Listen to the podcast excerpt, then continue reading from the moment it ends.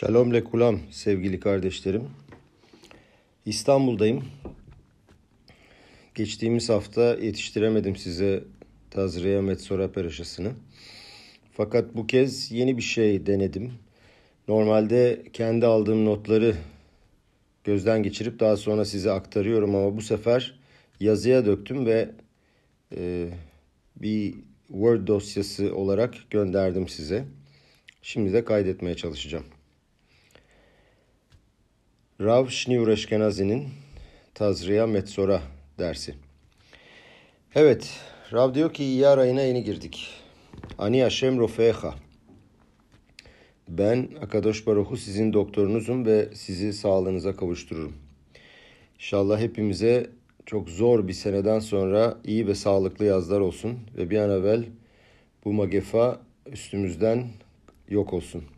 Kadosh Baruhu yardımcımız olsun. Etrafımıza baktığımızda görüyoruz ki insanlar sürekli bir sıkıntı ve stres halinde. Sanki kendilerini hapiste hissediyorlar ve nasıl bu stresten çıkacağını bilmiyorlar. Bazen yeni bir fikir ve veya bir öngörü bir şey olduğu vakit kişi sanki tazelenir. Bazen de kişiler ilişkiler sisteminde tıkanırlar. Bir türlü tatmin olamazlar. Çünkü genelde eleştiriyi kabul etmezler. Eleştiriyi yaptığınız adam biraz böyle alıngan olur, hassas olur, şımarık olur ve bir sürü psikolojik sebepten dolayı her duyduğu eleştiri ateşe dönüşür ve eleştiri yapmaya, ona iyilikle davranmaya çalışan kişi de ağzını açtığına genelde pişman olur. Bu e, hayatımızda bizi stresi sokan ve bir şeylerin eksik olduğunu hissettiğimiz hayatta ne yapabiliriz ki e, bu stresten, bu sıkıntıdan kurtulabiliriz? Rav daha çok kısa bir zaman evvel başından geçmiş bir olayı anlatıyor.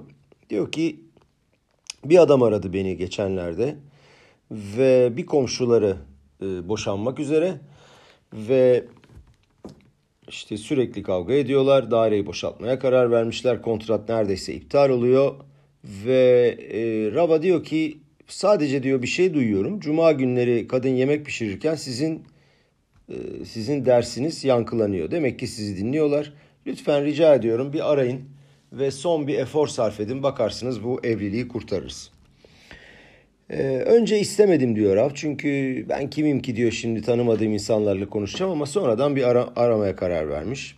Önce kocasıyla konuşmuş. Kocası demiş ki e, gayet kibar bir sesle yok demiş. Benim problemim yok. Ben evlenmeye devam etmek istiyorum. Karımı seviyorum, çocuklarımı seviyorum. Ama demiş bilmiyorum karıma ne oldu böyle kafasına bir şey girdi. Belki komşular ona bir şeyler söyledi. Ee, bilmiyorum ayrılmak istiyor. Benle devam etmek istemiyor. Kocasıyla telefonu kapattım. Sonra diyor kadınla konuştum. Önce kadın bir çekindi. Hani niye bu işe karışıyorsun gibi bir havaya büründü. Ama sonra biraz zaman geçtikten sonra hıçkırıklara boğuldu. Ve dedi ki kadın bana sanki dedi hapiste yaşıyorum dedi.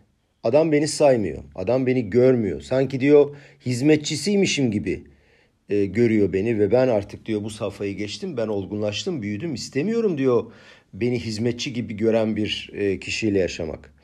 Artık diyor beni sayıp sevmesini, saygı duymasını istiyorum diyor. Peki Raf sormuş, söyledin mi ona bunu? Ne zannediyorsunuz demiş. Onunla konuşmak mümkün mü acaba? Bir kelime söylemek mümkün mü? Bir şey söylüyorum diyor. Ya iki hafta boyunca kayboluyor ortadan. Hiçbir şey konuşmuyor. Yahut da diyor bana o kadar aşağılayıcı ve kötü bir şekilde cevap veriyor ki ağzımı açtığıma pişman oluyorum. Evet kardeşlerim böyle durumlarda olduğu vakit ne yapacağız? Bu derste çok basit, hayatımızı değiştirebilecek bir e, kavrayış öne sürmek istiyoruz. Çok derin ve çok e, ağır konulardan bahsetmeyeceğiz. Fakat bahsedeceğimiz konu basit ama hayatımıza yeni bir ışık saçacak ve hayatımızı tekrardan inşa edecek bir güçte olacak.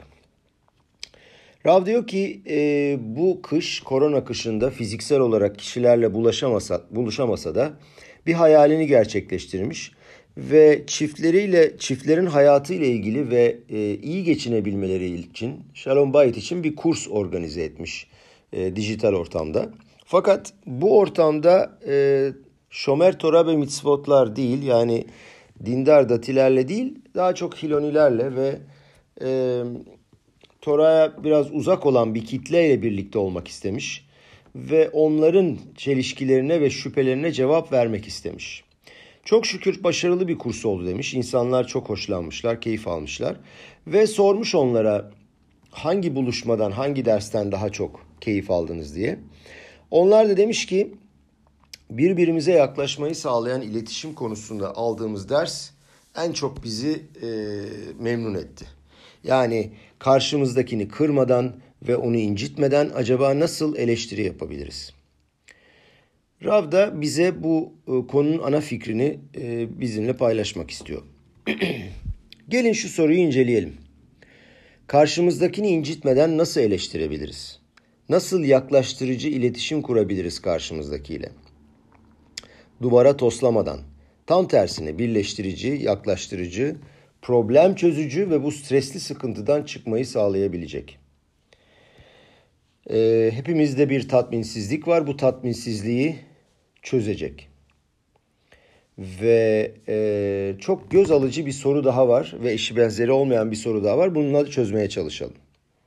Diyor ki Rav nasıl olur da diyor e, Tazriya ve Metsora Peraşası'nın ana konusu olan bu deri hastalıklarını çözmek için niye Kohenlere görev verildi? Ee, adamın adamın birisinde deri, derisinde bir leke oluşuyor veya evinde bir leke var veya giysilerinde bir leke çıkıyor ve e, çok komplike ve hayatını etkileyecek bir soru bu. Nereye gidiyor? Kohenlerin evine gidiyor. İyi de Kohen talmit haham değil. Bilgi, akıllı, zeki bir adam değil. Eğitimli bir adam değil. Kohenler iyi insanlar topluma hizmet ederler. Kendilerini feda ederler. Bilge olabilir veya olmayabilirler. Müthiş bir zekaları yoktur. Fakat tek özellikleri genetik olarak Aaron Cohen'in torunları olduğu için bu işe layık görülmüşlerdir. Ve e, diyor ki sonuç olarak bir ev inşa etmiş adam ve bu evin yıkılmasına sebep olacak bir kararı Cohen veriyor. Adamın bütün hayatını değiştiriyor. E, Tazriya ve Metsora peraşalarında beş çeşit tame olma hali var. Mekruh deniyor buna Türkçe. Biraz eski bir Türkçe olduğu için tame kelimesiyle devam edeceğim. Doğumla başlıyor. Metsora ile devam ediyor. Tumat ziva yani boşa sperm boşaltma ile devam ediyor ve kadınla ilişkinin bırakmış olduğu tuma. Kişi bu tarzda problemleri olduğu zaman diyor illa bir koene mi gitmesi lazım? Hani doğum tuması olursa doktora gider. Kadın tuması olursa rava gider. Niçin koene gidiyor? Ve e, Rambam'ın söylediğine göre saraat hastalığı e, ki e, bir deride bir e, lekeyle tezahür ediyor. O kadar komplike bir şey ki 72 çeşit leke varmış ve 72 değişik şekilde tezahür edebilecek bir lekeden bahsediyoruz. Ve bunun için aslında uzmanın koca bir kitap bitirmesi lazım ki doğru kararı verebilmek için. Pekala Kohenler acaba epidemi konusunda bir uzmanlık eğitiminden mi geçtiler? Tora bize bu konuda ne öğretmek istiyor? Yani niçin e, bu e, yıkıcı konusunda bir rava, doktora, müşavire veya avukata güvenmiyoruz da Cohen'e güveniyoruz? e, göreceğiz ki eleştirideki bütün derinlik ve mana ve kişiyi etkileyen, kişiyi aşağılayan, toplumdan uzaklaştıran bu tame e, olayı ona yapılan deklarasyonda yatıyor. Yani ona tame konusunu, tame olduğunun söylenmesinden yatıyor. Diyor ki Rav eleştiri inşa eder ve kalpten çıkan eleştiri kalbe girer. Tora Saraat konusunda iki tane peraşa harcıyor. Mişkan haricinde Tora'nın iki tane peraşa harcadığı başka bir konu yok. İkisinde de konu yüzde seksen Saraat. Önce teşhis, belirtileri ve şekli sonra da iyileştirme şeklinden bahsediliyor. Ve e, çok komplike bir konu olduğu için Tora buna çok bilgi veriyor ve e, birçok bir cümle kullanıyor. Saraat uzaktan başlar ve yakına doğru ilerler. Ee, önce kişiyi, Akadosh Baruhu kişiyi etkilemek için önce uzaktan, uzak yoldan bazı işaretler gönderir. Kişiyi uyandırmak ve sarsmak için. Ama eğer başarılı olamazsa o zaman maalesef bedene gelmeye başlıyor. Tabi bu tsarat e, zamanında seviyesi yüksek olan atalarımıza olan bir hikaye. Şu zamanda cüzzamla e, onu benzetmeye çalışıyorlar cüzzama ama cüzzamla alakası yok. Bu tamamen ruhani bir hastalık ve e, maalesef e, konuştuğumuz Lashon aradan dolayı olan uyarı niteliğinde e, deride görünen bir takım hastalıklar. Önce evden başlar. Adam sabah kalkar, evinin duvarında kırmızı veya yeşil bir leke görür. Çok korkar ve Kohen'i getirir. Kohen bakar, eğer sarı atsa evi bir haftalığına kapatır. İkinci hafta geldiğinde leke hala aynı şekildeyse bir hafta daha kapatır.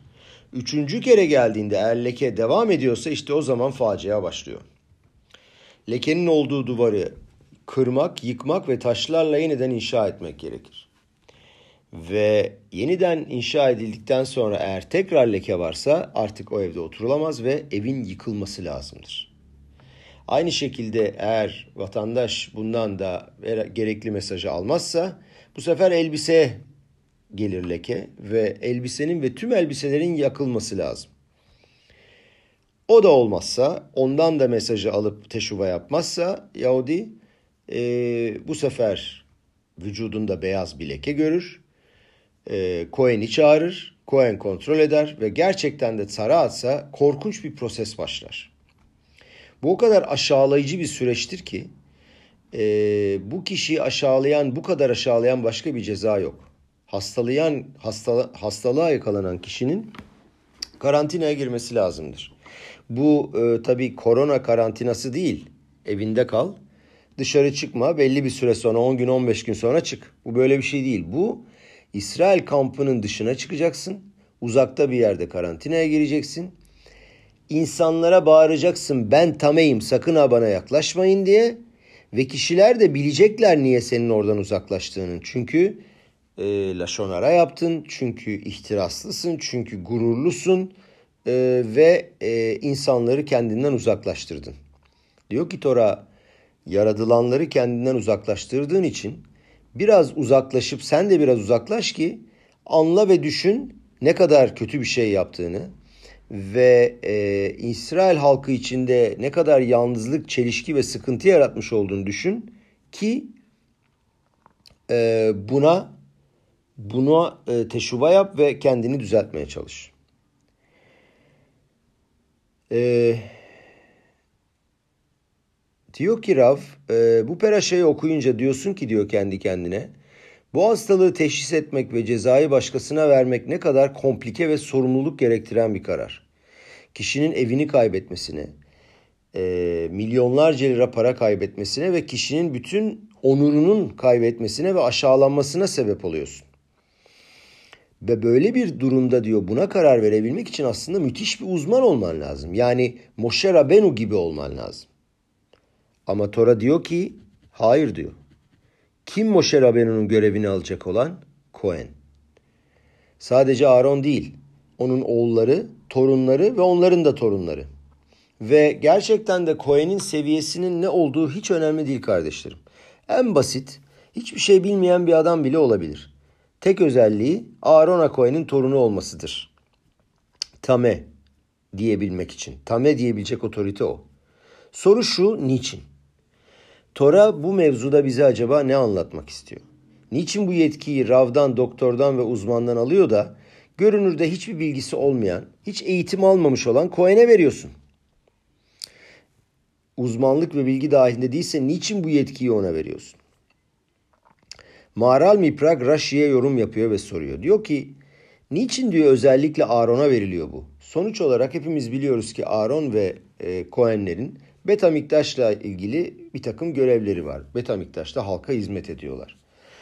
Niye diyor e, Betamiktaş'ta hizmet eden bir gruba bayağı uzmanlık, sorumluluk ve bilimsellik gereken Sarat'ın kanunları niye Aaron'a veriliyor? Ve e, daha da büyük bir çelişki ortaya koymak gerekirse Saraat hastalığı büyük bilgelerde ve talmit hahamlarda da çıkabilir. Diyelim ki hasta olan Moşer Rabenu. Ki daha önce oldu biliyorsunuz. E, Akadosh Baruch ona görev verdiğinde Mısır'a gideceği vakit e, halk için, İsrail halkı için e, Laşonara yaptı ve dedi ki bana inanmayacaklar dedi. Emlo yaminuli dedi. Daha sonra elini çıkardı ve Metsora oldu. Peki Metsora olan Miryama Neviya olsaydı ne yapacaktık? Veya Rambam veya Yosef Karo. Düşünsenize Moşer Rabenu sabah kalktı. Birdenbire elinde Sarat hastalığı olduğunun farkına vardı. İyi de tabii ki o bilecek ne olup bittiğini. Çünkü bütün Kohenlere ve bütün aleme o öğretti bunun kanunlarını. Bakacak ve diyecek ki tamam bu diyor Sarat. Acaba kendisi bunun Sarat olduğunu deklare edebilir mi? Bu kararı verebilir mi? Cevap müthiş. Veremez. Gmara'ya göre Moshe Rabenu Sarat konusunda zar yani yabancı. Yani bu konuda milletin en cahil kişisi gibi kabul ediliyor. Hiçbir otoritesi yok. Kohen'e gitmesi lazım. Ve bu Kohen'in illa Aaron olması da gerekmiyor. Hangi Kohen'i orada bulursa en basiti bile olabilir. O karar verecek. Ve sadece o deriye bakabilir. Gemara bu konuda e, aynı zamanda ki burası çok etkileyici gerçekten e, Miryam konusunda da söylüyor. Kim suçlu olan Miryam'ın karantinaya girmesine ve geri dönmesine karar verdi? Biliyorsunuz Miryam peygamber, Miryam peygamber Baloteha peraşasında bundan bahsedeceğiz. Kuşit olan Tsipora ile ilgili konuştu ve Moshe Rabenu'nun en mahrem yerine ta yatak odasına kadar girdi. Fakat e, anlamamıştı niçin karısından ayrıldı. Daha önce konuşmuştuk. Miryam bunu kötü niyetle yapmadı. Ve Miryam her zaman İsrail milletinde çocukların sayısı çoğalsın diye e, savaşmıştı. 5 yaşındayken babasına karşı çıktı.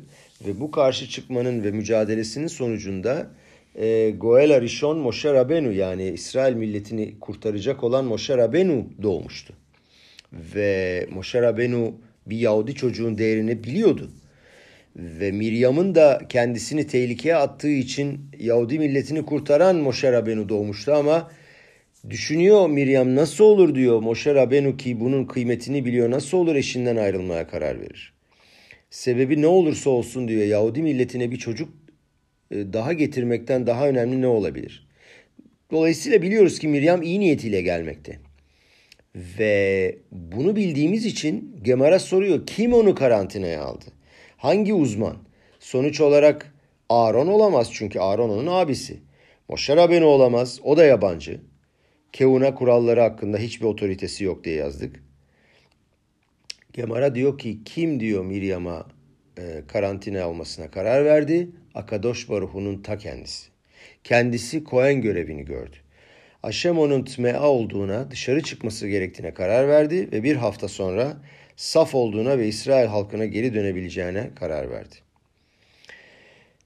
Gemara diyor ki bu alahayı e, sadece Aaron ve oğulları bilmiyor. Aslında herkes öğrenebilir. Ve bu Moşe Rabenu'nun kendisi de olabilir ama bu anahtarı o teslim almadı. Peki bu konuda ne yapmak lazım? Bu konuda tek tame olduğunu ilan edebilecek olan kişi Cohen. Cohen aslında e, son derece basit bir adam olabilir. Hiç hiç öğrenmemiş, yeşivaya girmemiş, e, dışarı çıkmış, e, çalışmış ailesini geçindirmek için böyle bir kişi olabilir. E, sevgiyle beraha veren İsrail milletine bir kişi olabilir. Başka da hiçbir şey bilmiyor. Tamamen cahil. Fakat Gemara şöyle diyor. Hiçbir şey bilmese dahi Cohen Rabbi'yi çağırıyor. Diyelim ki Rabbi Akiva İger orada ve sorar. Rabbi ne görüyorsun? Rabbi Akiva bakar tarata. Eğer lekenin tarat olduğunu biliyorsa Kohen'e der ki tame diyebilirsin. Ve Kohen tame der. Taor diyebilirsin. O zaman da taor der. Bu kadar basit. Ama çok enteresan hükmü sadece Kohen verebiliyor. En büyük Gaon Rambam dahi Sarat konusunda hüküm veremez. Bununla ilgili bir küçük hikaye var. Bir gün sinagogun birine adamın biri gelir ve Gabaya der ki ben Kohen olarak kalkmak istiyorum. Gabay der ki biz sadece Kohenleri Kohen olarak kaldırabiliriz. İyi de diyor ben Kohen olarak kalkmak istiyorum ne yapacağız? Cık, kalkamazsın. İyi de diyor ben sana gel bir 10 bin 50 bin dolar bağış yapayım. Ne diyorsun? Gabay bu sefer düşünmeye başlar. Ha, kulağa güzel geliyor. Ee, sinagogun çok, e, cemaatin çok ihtiyacı olduğu şeyleri alabiliriz bu parayla. Tamam diyor ayarlayacağım sana ama diyor nedir diyor senin bu kadar koen kalkma isteğin? Ne var bunun arkasında? Bak diyor benim dedem de birinci kalkardı. Babam da birinci kalkardı. Dolayısıyla ben de birinci kalkmak istiyorum. Bu kadar basit. Görüyoruz ki öyle koenler var ki sadece isimlerinin koen olduğunu biliyorlar. Başka da hiçbir şey bilmiyorlar. Hiçbir eğitim almamışlar. Fakat bu cahil kişiler bile bu konuda Moshe Rabenu'dan daha yetkilidirler. Ve Moshe Rabenu ona tame veya tavır olmasını söyleyecek. O da ona göre hüküm verecektir. Peki nasıl olur da Moshe Rabenu'nun bile alamadığı yetkiyi bu cahil koen alabilmektedir? Bunu araştıracağız. Anlatırlar büyük göç esnasında 100 sene evvel Yahudinin biri Amerika'ya geliyor ve Amerika'ya geldiği vakitte kendisini önemli göstermek istiyor, parlamak istiyor. Toplumda herkes onu görsün, önemsesin istiyor ve bir fikir geliyor aklına. Gabaya söylüyor. Diyor ki benim adım Moşe diyor. Minsk'ten geldim diyor. Ben Kohen'im. Haftaya beni Kohen olarak kaldırır mısın? Gabay çok seviniyor. O diyor yeni bir Kohen geldi ne güzel. Haftaya onu kaldırıyor. Adam Kohen olarak kalkıyor, iniyor. Sonra birdenbire bir bakıyor. Rav'la göz göze geliyor. Aa diyor bu Rav'ı ben tanıyorum. Bu Rav'la daha evvel Minsk'te beraber oturduk, çalıştık, yaşadık. Daha 300 sene kadar evveline kadar ailelerimiz birbirini tanıyor. Aşağı inmiş. Rav demiş ki Moşe sen ne zamandan beri Kohen oldun? Birlikte dua ettik. Bar mitzvada beraberdik. Ne oldu? Ne oldu da Kohen oldun? Diyor ki bak diyor Rav. Burası diyor Amerika. Burası yeni bir dünya. Sen eğer Rav olabildiysen ben de diyor Kohen olabilirim. Ne oluyor burada ve bu garip kararın arkasında ne var? Bütün yorumcular bunun sebebini araştırıyor. Rashi diyor ki gzerata katuf. Çok yazılı, yazılı fakat kapalı bir karar diyor bu. Anlamıyorum. Sadece diyor Akadosh Baruhu bunun sebebini mantığını bilebilir. Yaratıcı o ve bize her şeyi izah etmek zorunda değil. Niye etkinin Kohen'de olduğunu o karar verir. Bu arada Meşeh Hohma geliyor. Diyor ki e, ve bunun söylediklerini şimdi açıklayacağımız şeyleri maalesef bu son yaşadığımız korona döneminden sonra çok daha iyi anlıyoruz. Diyor ki saraat epidemik bir hastalıktır. Yani bulaşıcı bir hastalıktır. Nasıl ki şu anda karantinaya giren kişiler olduğu gibi Yeruşalayim'de de Sarat hastalığının bulunduğu bir karantina yeri vardı. Ve Metsora olan birisi çok dikkat etmesi lazımdı. Çünkü ağzından çıkan bir tükürükle bir damla ile bile gittiği doktoru veya uzmana bu hastalığı bulaştırabilirdi. Bu yüzden de Tora diyor ki Metsora Kohen'e gitmesi lazımdır. Kohen Aşem'in işçisi, kölesi, onun hizmetkarıdır ve özel bir beraha ile korunmalıdır. Dolayısıyla Sara tehlikeli ve bulaştırıcı olduğu için Kohen'e gider. Çünkü Kohen Aşem tarafından özel olarak korunmaktadır. Rav burada diyor ki soruyor. İyi de diyor madem ki diyor Sarat e, bulaşır. Peki diyor bayramda bir Yahudinin sevincini bozmak istemediği için Sarat bile olsa ona Sarat teşhisini koyamazsın. İyi de bugün bayramlar insanların en çok görüşeceği, en çok birlikte olduğu, kucaklaştığı zamanlar. Biliyoruz Sukot esnasında geçen sene kaç tane dindaşımız e, birbirine korona yapıştırdı. Ve dolayısıyla da kapanmak lazım ama hayır diyor Tora. Bayramın sevinci böyle öne çıkıyor ve öncelikli olarak kapayamıyorsun. Aynı zamanda hatan. Damatla gelin evleniyorlar ve düğünde yani o e, Şeva Berachot'ta 7 günde o ailenin geldiği ve sevinçli olan 7 gün boyunca eğer bir leke olsa bile diyor damatta veya gelinde bu diyor e, tsarat olarak addedilmez ve kesinlikle diyor damadın ve gelinin sevinci önce gelir. Yani e, damat e, birinci günde baktı ki tsarat var ve kadınla e, gelinle beraber acayip şoka girdiler. Diyorlar ki bu iş böyle olmayacak. Ne yapacağız? Kimle yapacağız? Yok diyor. E, bu mişte esnasında sarat olmaz. Loroim negaim beşivat yamim amişte deniyor. Dolayısıyla e, hahamlar hüküm vermişler ki bu yedi günlük ziyafet esnasında tsaraat görülemez. Bir gün birisi başka bir soru soruyor. Diyor ki damat diyor tsaraata nasıl yakalanır? O da çok enteresan. Damat çünkü evlendiği anda biliyoruz ki diyor tüm günahları silinir. Peki ne zaman tsaraata yakalanmış? Dün hupaya çıktı. Bütün günahlar silindi. Şu anda yeni doğmuş bir bebek gibi. Nasıl olur ertesi gün tsaraat var? Fakat cevap basit. Büyük bir ihtimalle diyor Rav. O gece gelinle beraber düğünden, e, geceden ve kutlamadan döndükleri zaman oturmuşlar. Yemekleri bir güzel yedikten sonra başlamışlar konuşmaya. Ne konuşmuşlar dersiniz? Gelin, damat gelinin annesinden konuşma, konuşmaya başlar. Gelin de damadın annesinden ve misafirlerden ve bu şekilde saraat olabilir.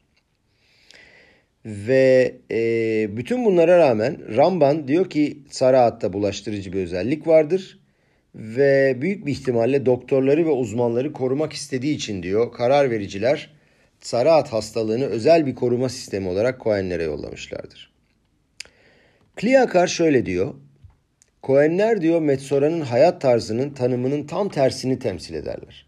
Metsora olanlar kabadırlar, laşonara konuşurlar, gururludurlar. Halbuki Kohen ise diyor tam tersi.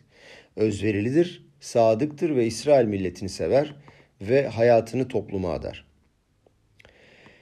Şimdi çok basit fakat heyecan verici bir fikir üzerine yoğunlaşmak istiyorum. Ee, bize insana saygı göstermenin ne demek olduğunu gösteriyor. Bir arkadaşımızı herhangi bir şeye zorlamadan evvel kardeşlerim çok dikkat etmemiz lazım. Onu aşağılayan, ona zarar verilecek bir WhatsApp mesajı atmadan evvel bin kere düşünmemiz lazım. Ağzımızdan laşonara çıkarmadan çok çok çok dikkat etmeliyiz ve bu fikre ulaşabilmek için gerçekten müthiş bir çalışma gerekmekte. Kohen'in gücü sadece bir tek kelimeye bağlı. O da ava yani sevgi. A Kohen mevarech etamo İsrail be ava. Kohen İsrail milletine berahayı sevgiyle verir. Dikkat edecek olursak fark ederiz ki genelde toplumumuzda Kohenler, gördüğümüz Kohenler şefkatli ve hep umursayan kişilerdir olaylara müdahale eden, insanların arasında duran ve topluma hizmet eden kişilerdir. Kohenler kendileri için yaşayan insanlar değildir.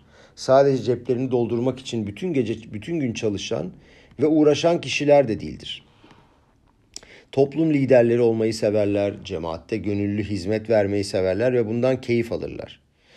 Ve e, bir de umursarlar. Ehpatiyut diyoruz buna İbranice'de. Başkalarının ihtiyaçlarını hissetmek onların işidir.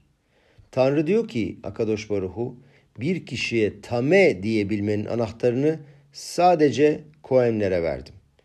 Bir Yahudi'ye bu korkunç deklarasyonu yapabilmek için sadece o yetkili.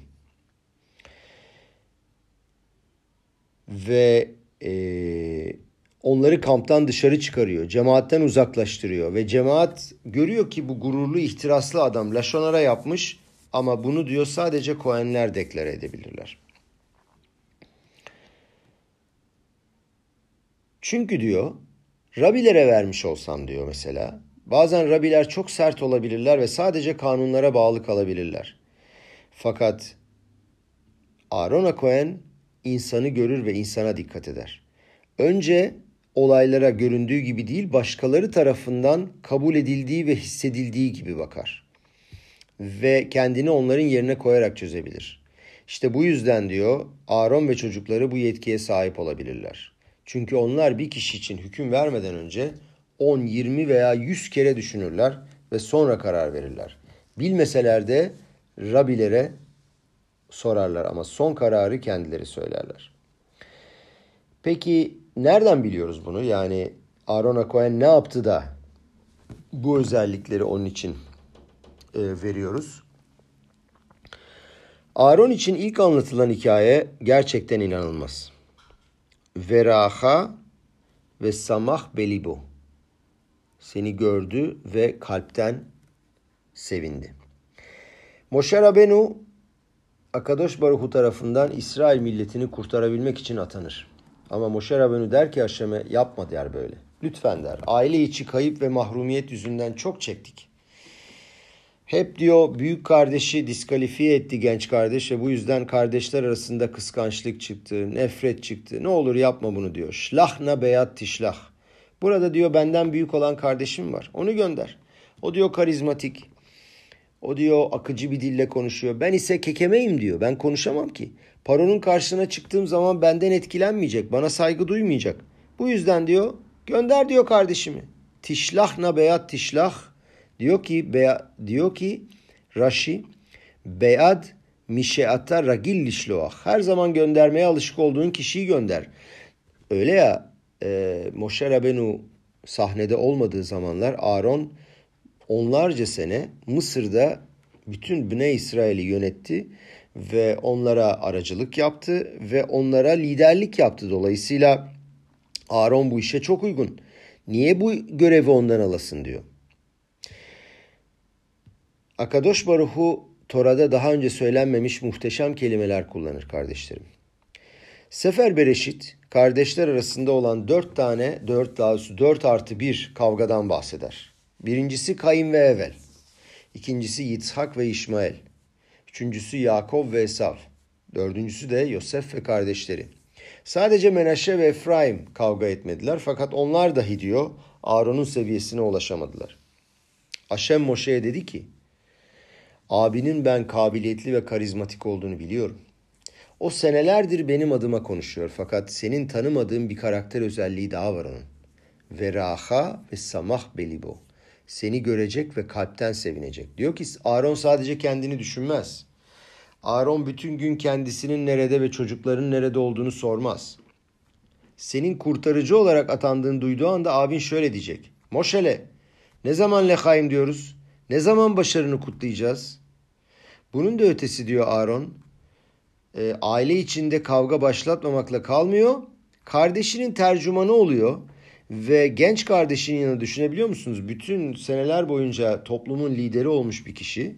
Birdenbire ortaya çıkan genç, genç kardeşinin yanında iki numaralı karakter olmayı kabul ediyor. Adam genç kardeşinin arkasından gidiyor ve e, diyor ki Aaron'un diyor her her türlü sebebi vardı diyor soru sormaya. Niçin seni dinleyeyim? Ben kendim için konuşabilirim. Sana ihtiyacım yok ki. Niye senin tercümanın olayım? Buna karşılık Aaron onun araç çantasını çantasını taşıdı, ceketini taşıdı, asasını taşıdı. Ve raha ve samah belibo. Aaron'da böyle çok çok özel bir karakter özelliği vardı ki bunu oğullarına ve torunlarına daha sonra taşıdı. İleride göreceğiz e, dersin bir ileriki safhasında. Ve e, başkasının sevincini ve hissettiğini anlayabilmek ve onun gibi hissedebilmek. Kardeşlerim insanlar üzüntülü olduğu vakit onları teselli etmek daha uygun ve daha e, görülür şeyler ama bir kişi sevindiği zaman, bir şey aldığı zaman ve sevinçli anında onun sevincini paylaşabilmek işte gerçek erdem bu. Başkalarının ayakkabılarının içine girmeden onu yargılama. Aşem dedi ki Aaron tame kelimesini söyleyebilir. O bunun anlamını anlayacaktır. O gelip de kanun böyle kardeşim ne yaparsan yap demeyecektir. Birçok kez daha düşünecektir. Nasıl hafifletebiliriz? Nasıl verilmiş olan kararı erteleyebiliriz? Verilmiş olan sert kararı nasıl hafifletebiliriz?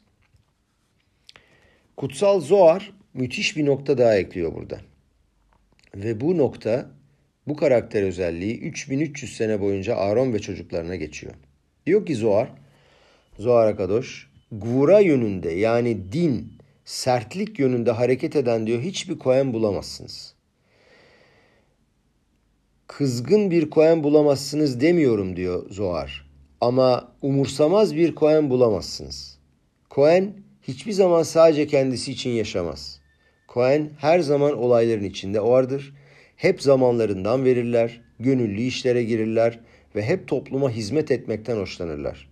O kadar ki onları eleştirseler bile, niçin bu kadar zamanından veriyorsun, aptal mısın deseler bile buna karşı koyamazlar çünkü kendi karakterleri böyledir. O insanlar, Kohenler sinagoga geldikleri zaman ortalığı temiz bulsunlar ister. Yiyecek bir şeyler bulsunlar ister. Kısacası insanları mutlu etmek ister. Çünkü onların doğası böyledir. Bu yüzden diyor ki Haşem kişilere tame diyebilecek olan adam ancak Kohen olabilir. Tahmin etmeye çalışıyorum diyor Rabbi. Nasıl duyulur diyor. Tame! Öyle bir kızgınlıkla söyler ki diyor metsora olan adamın yüreğine işler. Fakat Cohen öyle mi? Cohen arkadaşlarımızın içinden biridir. Bizden biridir. içimizden, cemaatten biridir. O Yahudinin yanına yaklaşır. Yumuşak bir şekilde tame dediği zaman başka türlü duyulur. Evet der. Şu anda başına kötü bir şey gelmiş gibi görünüyor. Sıkıntını ve derdini anlıyorum. Ama gel bunu birlikte çözmeye çalışalım. Birlikte teyilim okuyalım ve teşuva yapalım. Ve bir hafta sonra göreceksin ki saflaşacaksın ve bundan kurtulacağız. Şimdi Keuna'daki sırların sırrını anlayabiliriz. Niçin Kohenler bize beraha verme hakkını kazandılar? Bu konuda Kohenler bizden niye daha iyi? Niye Talmit Haham değil, daha belgili, daha zengin değil ki biri ki Kohen. Kohen'in berahasını vermeden evvel biliyoruz. Hepimiz e, bunu görmüşüzdür ve tecrübe etmişizdir. Kohenler bazen sinagogun dışında arkadaşlarıyla sohbet ederler. Hazan sim şalom duasına geldiği vakit hemen gelirler. Tevaya çıkarlar. Hepimizden yüksek bir yerde kollarını uzatırlar ve duasını eder bizi bize beraka verirler. Biz ne yaparız? Önlerinde eğiliriz ve duayı kabul etmeye çalışırız. Çünkü o Aşemi Akadosh Baruhu'yu temsil eder. Niçin? Kardeşlerim cevap Beraha'nın içinde gizli. Aşer ki deşanu bikduşoto şel Aaron ve tsivanu levarechet o İsrail beava. Yorumcular soruyorlar. Başka nerede Aşem bir Berhan'ın içine beava sevgi sözcüğünü yerleştirdi diye. Aslında birkat Kohen'imin geçtiği peraşaya baktığımızda beava kelimesi görünmüyor. Ko teverechet bene İsrail emor laem yeverecha Hashem ve işmerecha beava yazmıyor. Hiçbir duanın sonunda da beava yok. Nerede beava? Niye emir var? Niye o zaman beava diyor? Cevap şu. Emir vermesine gerek yok diyor Akadosh Baruch'un. Aslında bütün berahaların sırrı bu. Niçin Kohenler peki bu berahayı verme hakkına sahip oldular? Çünkü onlar Tanrı'nın bereketini dünyaya getirmek için var olan kanallardır. Sinor deniyoruz buna. Çünkü onlar yevareha dedikleri zaman göklerin kapıları açılıyor. Çünkü Kohen berahasını sevgiyle verir. Beava. Ve bir Yahudi arkadaşına sevgiyle beraha verdiğinde de göklerin kapısı açılır. Bir çocuk babasına geldiği zaman ve kardeşi için ondan bir şey istediği zaman ve kardeşini umursadığını gösterirse eğer hiçbir baba kayıtsız kalamaz. Şöyle bir şey, şöyle bir örnek düşünün. Ailenin küçük çocuğu bir ev almak istiyor. Birçok kardeşi var. Babasına geliyor diyor ki baba diyor ya ev alacağım ama çok zorlanıyorum. Lütfen yardım et. Baba diyor ki oğlum diyor başka hiçbir kardeşine yardım etmedim. Çünkü böyle bir param yok. Dolayısıyla sana da yardım edemem. Bunu duyan büyük abi gelir der ki babasıyla oturur bir kahve içer ve der ki babaya baba der bizim Allah'a şükür her şeyimiz var ama küçük kardeşimizin durumu iyi değil. İyi gitmiyor, zorlanıyor, problemleri var. Ne olur ona yardım edelim. Bunu duyan hiçbir baba yani kardeşler arasında böyle karşılıksız bir sevgi olduğunu duyan hiçbir baba kayıtsız kalamaz. Merhameti uyanır ve tüm kapıları açar. Koanim duasının sonunda geçen beava bu duanın aslında tanımıdır ve bu duaya bütün gücünü veren kelimedir. Aaron ve oğulları nesiller boyunca hep sevginin ve barışın peşinde gittikleri için onlar bu berahayı vermeye e, tevaya çıktıkları zaman da İsrailler gibi yapmazlar. İsrail olsa sadece görevlerini yerine getirmek için yaparlar. Bazen de umurlarında bile olmaz.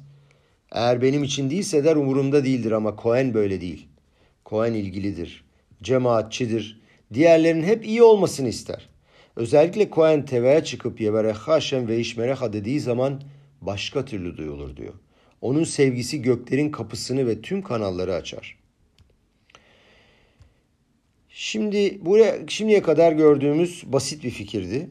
Tora bize bu muazzam şöyle bir muazzam fikri aktarmak istiyor. Diyor ki yaratılışın onuru ve saygısı ne demektir?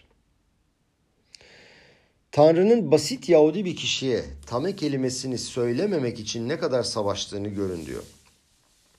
Tanrı doğanın kanunlarını değiştiriyor ve acayip çalışıyor. Yeter ki bir kişi başkası hakkında hüküm vermeden, onunla ilgili sadece dışarıdan göründüğü gibi karar vermeden on kere düşünsün ve ona zarar vermesin. Şimdi de bu dersin başında başladığımız konuya cevap verelim. Yapıcı eleştiri nasıl yapılır? Bu konuya gelmeden evvel de e, şu konuda bir e, yorum yapmak istiyoruz.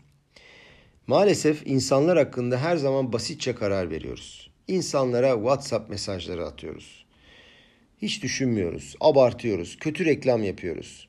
İki arkadaş mesela sohbet ediyorlar. Diyorlar ki geçen gün diyorlar telefonumu bir tane işte şu şirketin birisine gönderdim. İsim de veriyor. Sim kartı olmadan geri geldi. Görüyor musun diyor ne yapıyorlar. İyi de diyor Rav. Sen bunu söylerken diyor ne yaptığının farkında mısın?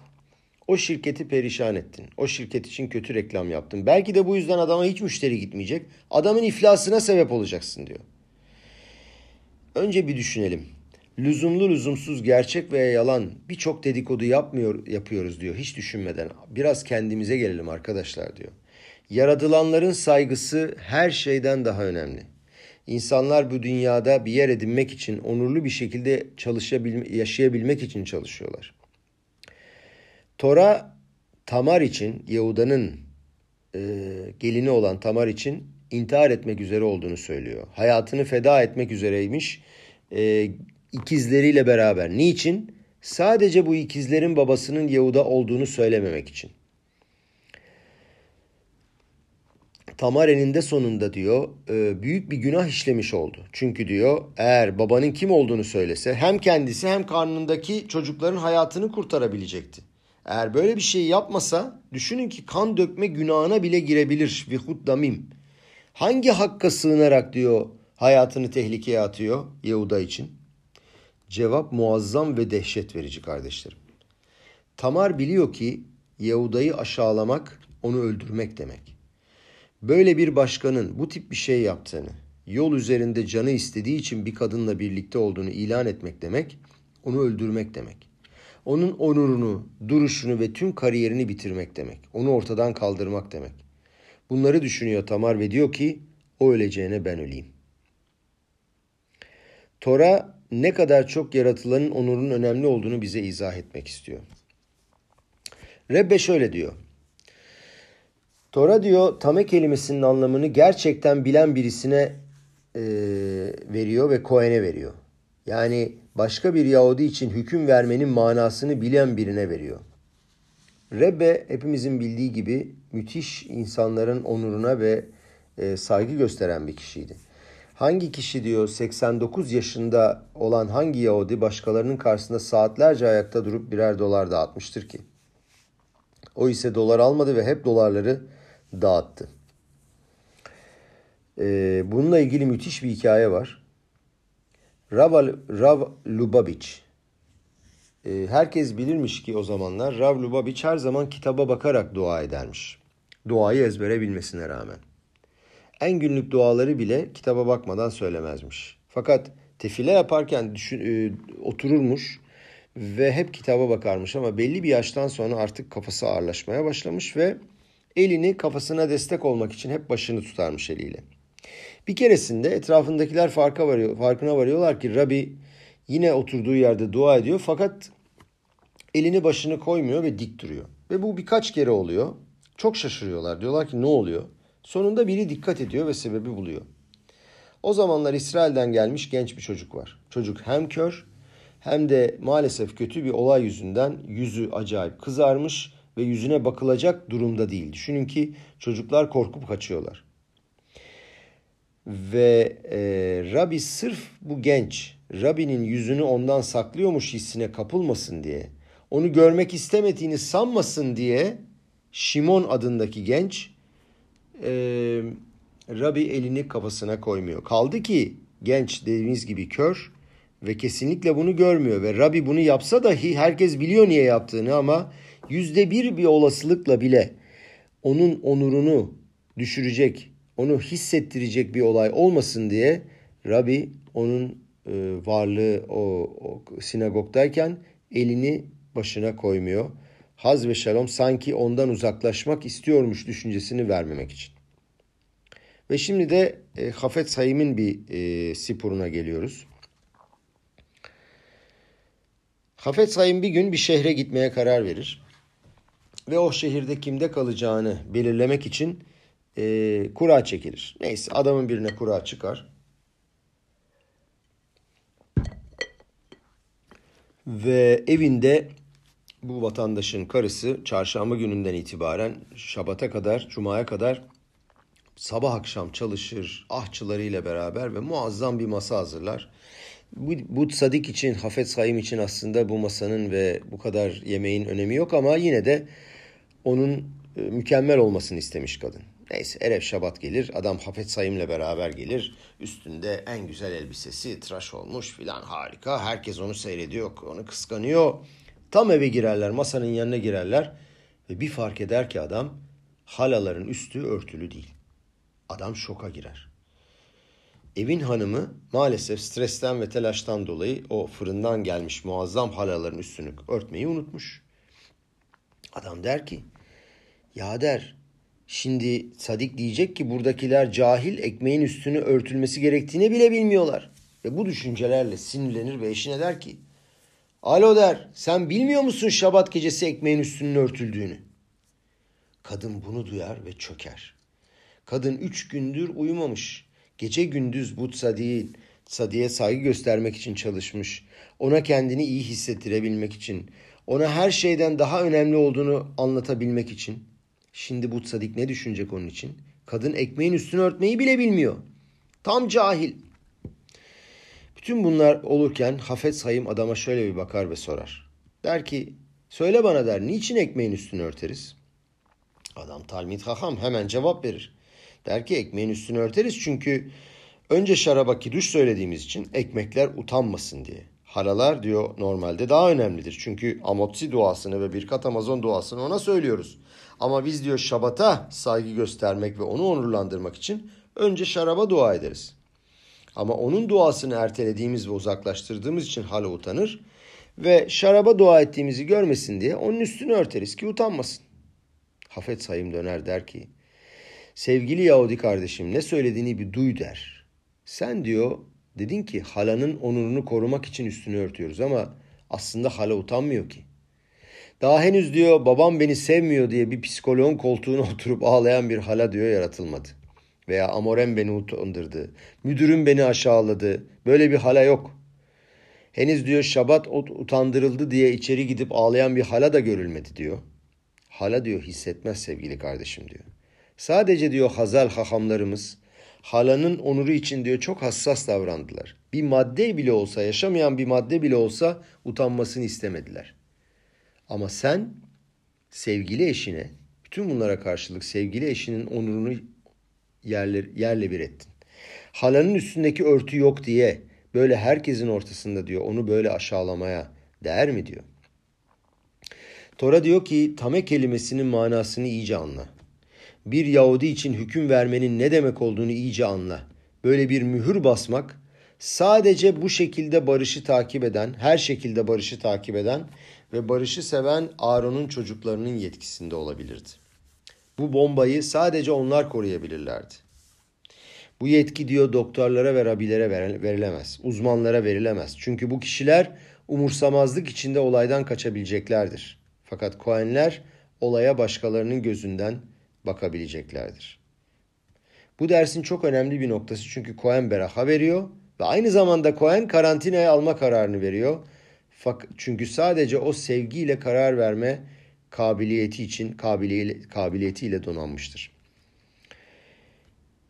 Ee, buraya geçtiğimiz vakit devam etmeden evvel e, çok enteresan Rav Şaptay Slavtitski de bu konudan bahsetti geçtiğimiz hafta.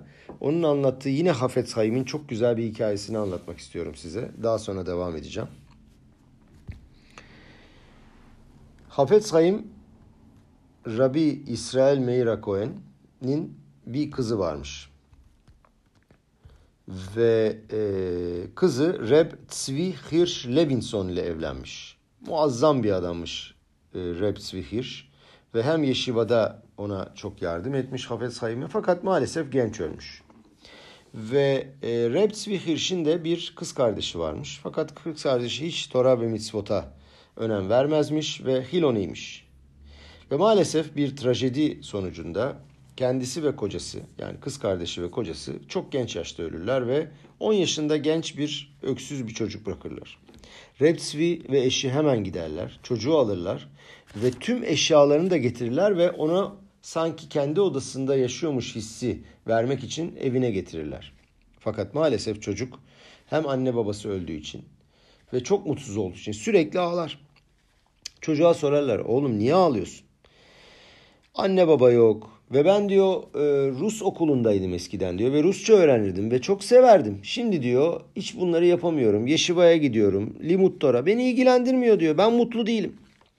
Repsvi düşünür düşünür ve sırf çocuğa biraz iyilik olsun diye bir Rusça hoca tutar ve ona Rusça öğretmeye başlar. E, kaldı ki diyor o zamanlar e, Rusça öğretmekten herkes kaçınırmış ve özellikle Hay Hafez Hayim buna çok karşıymış. Çünkü Rusça öğrettiği anda onu sanki e, Rusların dinine ve onların örf ve adetlerine yaklaştırmak zorunda, e, yaklaştırma yoluna itiyorlarmış. Ve herkes sorar Radin'de e, Hafez Hayim'e nasıl olur der senin evinde Rusça öğretilir bir çocuğa. E, Hafez Hayim cevap verir onlara der ki Rebts ve Hirsch eğer böyle bir şey yapıyorsa biliyordur ne yaptığını der. Seneler sonra bu çocuk asker olur ve Rus ordusunda subay olur. Ve Repsvi dediğimiz gibi e, genç öldüğü için onun ziyaretine gelir Radin'e. Hafetz Hayim'in kızı Dul ve onu ziyaret eder ve iki saat sohbet ederler. Ve kız hiçbir zaman anlatmaz bunun niçin olduğunu. Daha sonra yıllar geçer, tüm aile ölür ve Hafetz Hayim'in ikinci ve genç kızı e, hayattadır. İsmi Feige ve Feige Amerika'ya gider. Ve torunlarının düğünü esnasında birdenbire içeri birisi girer.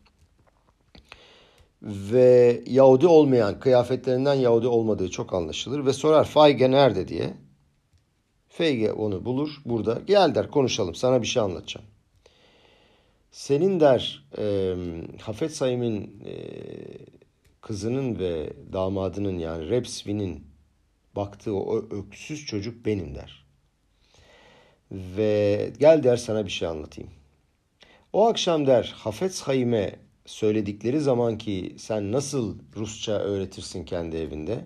Hafez Hayim onlara evet Repsvi işini bilir der ama daha sonra Repsvi'nin evine gider ve der ki bak der hani ben seni savundum ama hakikaten anlat bana niye böyle bir şey yapıyorsun. Repsvi der ki bak bu çocuk anne babası çok genç yaşta öldü. Öksüz kaldı. Hep ağlıyor ve ne yapsam ağlıyor ve sırf bu çocuğun biraz üzüntüsünü azaltabilmek için, ona biraz ışık saçmak için, ağlamasını durdurmak için Rusça öğrenmesine karar verdim der. Ve bu şekilde de biraz sakinledi. Hakikaten ona iyi geldi der. Hafez Hayim bunu duyunca tamam der. Haklısın. Der ki çocuk ben diyor bunu duydum. İki tane Tora devi bir tane öksüz çocuğun gözyaşları için konuşuyorlardı ve der bu benim kalbime girdi ve çok etkilendim bundan. Seneler geçti sadece en fazla iki şeye dikkat ettim der. Hem şabatı tutmaya hem de hagları bayramlara dikkat etmeye. Ve, ve bir Goya ile de evlenmedim. Bir tane Goya ile e, ilişkim vardı ve onunla çok evlenmek istiyordum gerçekten. Fakat e, kimle konuşacağımı bilemedim. Ve daha sonra aklıma geldi Rabanit Levinson. Rav e, Svihirş'in eşi daha ölmemişti o zaman. Ve onunla gittim konuştum der. Onunla ona sordum ne yapmam gerektiğini. Ve e, anlattım ona. Bana şöyle dedi diyor. Şimdi sen bu Goya ile iyisin.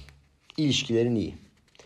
Ama bilesin ki demiş en ufak bir şekilde onunla bir çelişkin olduğu zaman ve bir sıkıntın olduğu zaman seni hor görecek ve sana pis Yahudi diye haykıracaktır der.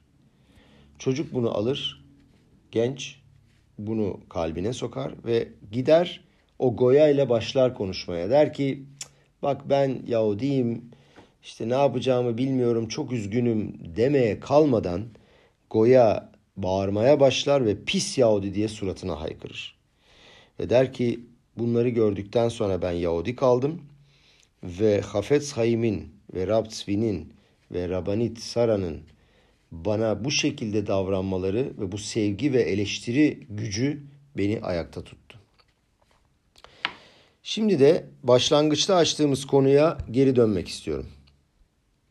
Eleştiri yaparken kişileri nasıl yaklaştırabiliriz ve eleştiriyi manalı bir şekilde nasıl geliştirebiliriz?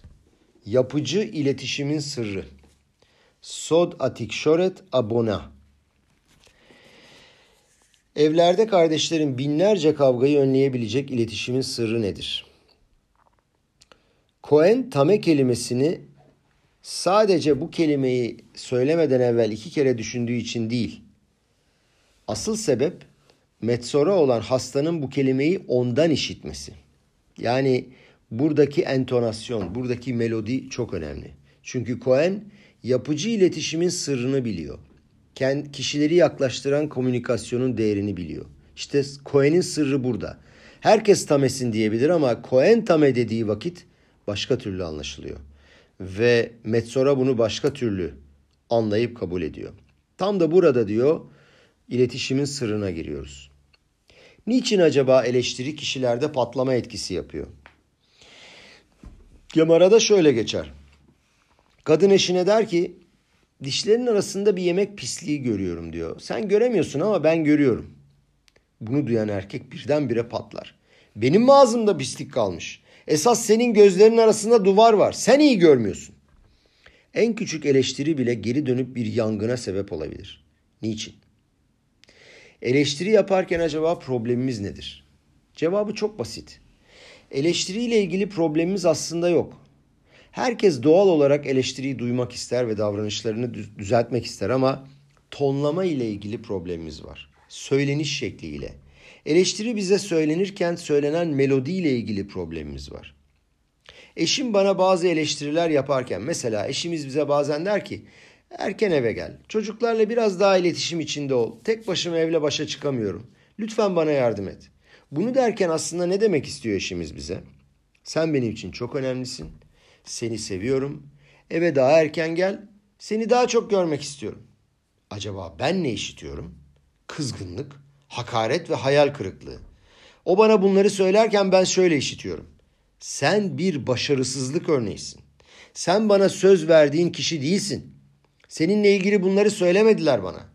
Senin için iyi bir insan, başkasını iyi düşünen bir insan olarak bilgi verdiler ama sen kesinlikle sadece kendini düşünüyorsun. Erkek bunu böyle duyarsa ne olur kardeşlerim? Hayatta kalma savaşına girer. Onun onuru öyle ya, onun var olma sebebi, onun esası onun kimliğidir. Eğer kendine saldırı olduğunu hissederse hayatta kalmak için bu sefer güçler devreye girer ve kavga başlar. Sen kimle konuştuğunu zannediyorsun? Sen kimsin? Ve ateş ateş her tarafı sarar. Aslında kardeşlerim eleştiriyle ilgili problemimiz yok. Eleştirinin manası ile ilgili problemimiz var. Eleştirinin sonuçlarıyla ve vardığı yerlerle ilgili problemimiz var. Ve kafamız birdenbire çalışmaya başlıyor. O mutlu değil ki zaten. Bana bu eleştiriyi yaparken kim bilir kafasında ne vardır? Acaba neyi ifade etmek istiyor? Her şeyi benim üstüme yıkmak istiyor. Yapıcı eleştiri tam da bunun tersini yapmak için vardır.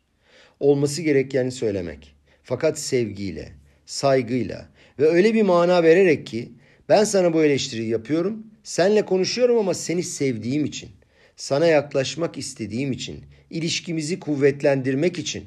Bu ne demektir? Bunun çok basit bir anlamı var kardeşlerim. Eleştiriyi ne zaman yapmamız lazım? Bu çok önemli. Burası çok kritik. İyi olduğumuz zaman, kendimizi iyi hissettiğimiz zaman, uygun zamanı gördüğümüz zaman. Ortam iyi değilken veya kendimizi iyi hissetmediğimiz vakit diyor eleştiri yapılmaz. Eğer biz birbirimizden uzaksak, ilişkimiz soğuksa, haftalardır birbirimizi görmemişsek, birdenbire birbirimize gördüğümüz kötü şeyleri söyleyebilir miyiz? Sen nereden geldin ya diyecek adam veya kadın. Problemlerin varsa kendin hallet. Benden ne istiyorsun? Eleştiri yapmadan evvel önce hazırlık yapmak lazım. Karşımızdakini tatmin ettikten sonra, mutlu ettikten sonra eğer birini eleştirmek istiyorsan bir ay önceden diyor yatırım yapmaya başlayacaksın. Önce onu umursadığını göster. Onu sevdiğini, onun senin için önemli olduğunu hissettir. Onunla ilişki kurmak istediğini göster. Eğer diyor bu kabı doldurduysan, altyapıyı iyi hazırladıysan, sevgiyle geliyorsan, arkadaşlık içinde gelirsen işte o zaman eleştirin hedefi bulur. 150 sene evvel 4. Habat Rabisi'nin iki tane oğlu varmış. Büyük olanın ismi Zalman, 10 yaşında olan büyük olanın ismi Zalman, küçük olanın ismi de Shalom'du. Ve oyun oynamak isterler. E, Rabbi'nin çocukları oyun oynarken futbol oynamazlar. Ne oynarlar? Rabbi ve Hasit. Rabbi'nin 10 yaşındaki oğlu Rabbi'nin odasına girer. Onun büyük masasına oturur. Rabbi'nin kıyafetlerini giyer, şapkasını başına koyar. Kütüphaneden en büyük gemarayı alır ve başlar ileri geri gitmeye ve konsantre olduğunu göstermek için. Küçük kardeş sessizlik içinde odaya girer ve kapıyı vurur. Ve der ki, Rebbet sadik ve kadoş, saygıdeğer ve kutsal Rebbe. Bir şey beni çok rahatsız ediyor, bir hata yaptım. Bunu düzeltmek istiyorum. Şabat günü diyor, e, dedemiz Admor Zake'nin e, yasakladığı bir melaha yaptım. Ve bu melahayı yaptıktan sonra çok e, rahatsızım. Bana lütfen bir tikum ver. E, abisi yani Rabbi e, Rabbi rolüne soyunan büyük abi çok ciddi bir çehreye bürünür ve tam der ki heh şimdi benim zamanım. Şöyle der. Bak der bu yaptığın çok yanlış bir hata. Çok müthiş bir yanlış. Kendi bilgilerini tazelemen lazım. Şabat alahalarını Rambam'dan, Sidur'dan ve Şulhan Aruh'tan iyice tekrar öğren ki bir daha böyle bir şey olmasın. Genç kardeş teşekkür eder ve odadan dışarı çıkar. Birkaç gün sonra annesi genç kardeşi çağırır. Rabanit Rifka çok öne çıkan, seçkin, muhteşem bir kadınmış. Genç Şalom'u çağırır ve ona sorar. Der ki büyük abin sana söylemiş olduğu tikunu yaptın mı? Öğrendin mi Şabat alahalarını? Şalom cevap verir. Hayır öğrenmedim. Niçin öğrenmedin? Senin oyununda der büyük abin Rabi'ydi ve Rabi ne söylerse yapılır.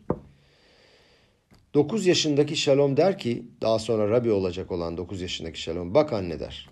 Büyük abim gerçekten Rabi değil. Çünkü gerçek Rabbi böyle bir şey duyduğu zaman önce sızlanır, inler ve senle beraber o acıyı hisseder ve eleştiri yapmadan evvel, tikun vermeden evvel seninle özdeşleşir. İşte bütün sır burada. Eleştiri tamir etmez. O sızlanma, o paylaşım tamir eder. Eleştiri tam tersine bizi daha çok sinirlendirir ve ateşler. Ama bizi olayları düşünmeye iten o kardeşlik, o arkadaşlık ve paylaşma hissidir. Eğer eleştiri yapan kişi sevgiyle, umursayarak ve ona iyilik yapmak için geliyorsa ve bunu hissettiriyorsa o zaman karşıdaki bunu dinlemeye her zaman hazırdır. Şimdi bu müthiş dersi dinlemeye hazırlanalım. Hem Akadosh Baruhu'da hem Moşe hem de Aaron'da olan. Bu gerçekten e, kardeşlerim müthiş bir hikaye.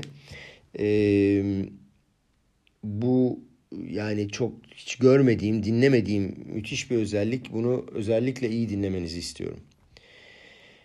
Pirkei Avot'ta okuyoruz. Oev Shalom ve Rodef Shalom.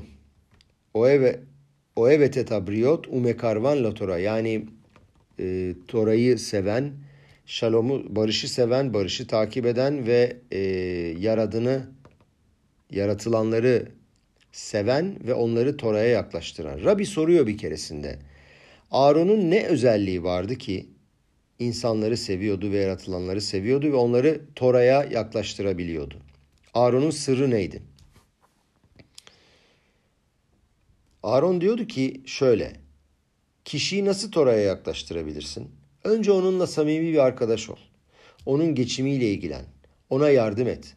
Onun çocuklarını evlendirmesine yardımcı ol. Eğer böyle yaparsan diyor, böyle yaptıktan sonra eğer doğru davranmadığını görürsen o zaman diyor eleştiri yapabilirsin ama önce onunla birlikte ol. Ama eğer bu adamın yardıma ihtiyacı olduğu zaman sen ortada yoksan, stres içinde olduğu zaman kaybolduysan ve sadece müzik, şabat günü müzik dinlerken problem aklına geliyorsa diyor, o zaman diyor onu uyaramazsın. Yaradılanları çok seven Aaron diyor ki, kişiler seni işitme, işitsin ve sana kulak vermesini istiyor musun diyor. Onları yaklaştırmak istiyor musun? Tek bir çare var. Eğer ona kalbini açıyorsan, onunla samimi bir ilişki kuruyorsan ve yaratılanları seviyorsan bu olur. Peki Rabbi soruyor Aaron nereden öğrendi bütün bunları? Diyor ki Akadosh Baruhu'dan diyor. Peleplayim tam bir mucize. İsrail halkı Mısır'da eziyet çekiyor. Fakat diyor ki onlar artık o eski Yahudi milleti Avraham, İtsak ve Yakup'un soyundan gelen Yahudilerdi ama diyor çok değişmişlerdi. Artık diyor Mısır'da neredeyse yabancılaşmışlardı. Yeheskel peygamber diyor ki lakahat goy mikerev goy yani sanki goyların içinden bir goy milleti çıkardı. Çünkü 210 senedir Mısır'dalardı ve Mısırlılar nasıl puta tapıyorlarsa artık onlar da tapıyorlardı. Buna göre Akadosh Baruhu'nun ne yapması gerekiyordu normal olarak bizim mantığımızda? Şöyle demesi gerekiyordu. Sizi Mısır'dan, Mısır'dan çıkarmamı istiyor musunuz? Torayı alacağınıza söz verin. Bana açık çek verin bir sene sonraya. Benim halkım olacağınıza söz verin. Ben de sizi çıkarayım. Ya ben sizi Mısır'dan çıkardıktan sonra Tora'yı vermek istediğim zaman almak istemiyoruz derseniz ne olacak? Ya Esav'ın ve İsmail'in çocukları gibi hayır istemiyorsunuz derseniz ne olacak? Rabbi diyor ki Tanrı böyle yapmadı Akadosh Baruch. Başından beri diyor hiçbir şart koy, koşmadı. Önce diyor onları çıkardı sevgiyle, dünyanın mucizesini yaptı. Kızıl Denizi yardı, manı indirdi. Hep verdi, verdi ve verdi. Ve bu kadar verdikten sonra geldi ve istedi. Reklamcılar diyorlar ki son zamanlarda önce vereceksin ve sonra diyor rica edeceksin, isteyeceksin. Yapıcı eleştiri işte budur. Aaron Cohen Akadosh Baruhu'dan öğrendi. Seni dinlemelerini istiyor musun? Önce onları umursadığını göster ve zarftan destek paketlerini çıkar. Çocuk tatilde dinleniyor ve başlıyorsun kızmaya. İyi de en son ne zaman ilgilendin onunla? Ne zaman problemlerini dinledin? Herhangi bir eksiği var mı diye ne zaman sordun? Sen diyor görüyorsun diyor yan yatıyor diye saldırıyorsun. Eğer düşüşte onunla beraber değilsen çıkışta da olamazsın diyor. Aniden üstüne saldıramazsın. Rabbi diyor ki bunu aynı zamanda Moshe Rabenu'dan görüyoruz diyor. Gelin dersi bu muhteşem noktayla bitirelim. Ve insanlık adına bu muhteşem şeyi Moshe Rabenu'nun nasıl yaşadığını görelim. Burada yapıcı iletişimin en üst noktadaki sırrını göreceğiz. Ölmeden beş hafta evvel Moshe Rabenu şöyle der. Elle adevarim asher diber Moshe ba'arava mulsuf ben tofen ve lavan ve hatsrod ve lizaaf. Ölümünden beş hafta evvel Moshe Rabenu artık uyarılarını ve azarlamalarını anlatmaya başlıyor Devarim kitabında. Ve dehşet verici kelimeler söylüyor. Ve neler söylüyor? 40 sene evvel olan olayları anlatıyor. Altın buzağı hatasını, şikayet edenlerin hatalarını, meraglimlerin hatalarını ve daha çok birçok hata. İyi de Moshe Rabenu sen neredeydin 40 sene boyunca? 40 sene boyunca sustun. Bütün bu suçları içine attın ve yedin. Eziyet çektin. Ağzını kapadın. Sadece ağzını kapamakla kalmadın. Bir de onlar için savaştın. Akadosh Baruch'a dedin ki eğer onları affetmezsen beni de defterinden sil dedin. Şimdi mi başladın diyor. Beş hafta evvel mi başladın diyor hataları hatırlatmaya. 38 yıl önce olan oyları şimdi mi ortaya atıyorsun? Ne oluyor? Tam tersine genelde diyor ölüm deşeğinde olan insanlar kavgaları kapatmaya çalışırlar. Dünyadan ayrılırken barış içinde ve birbirlerini affederek ayrılmak isterler. Moşe Rabenu 40 sene boyunca susar ve dünyadan ayrılmadan 5 hafta evvel ağzını açar. Niçin? Rashi Devarim kitabının başında şu yorumu getiriyor. İnanılması gerçekten çok zor şeyler kardeşlerim. İyi dinleyin. Moşe Rabenu 40 sene boyunca hiç eleştiri getirmedi. Çünkü henüz onları sevdiğini ispat etmemişti. Evet yanlış duymadınız.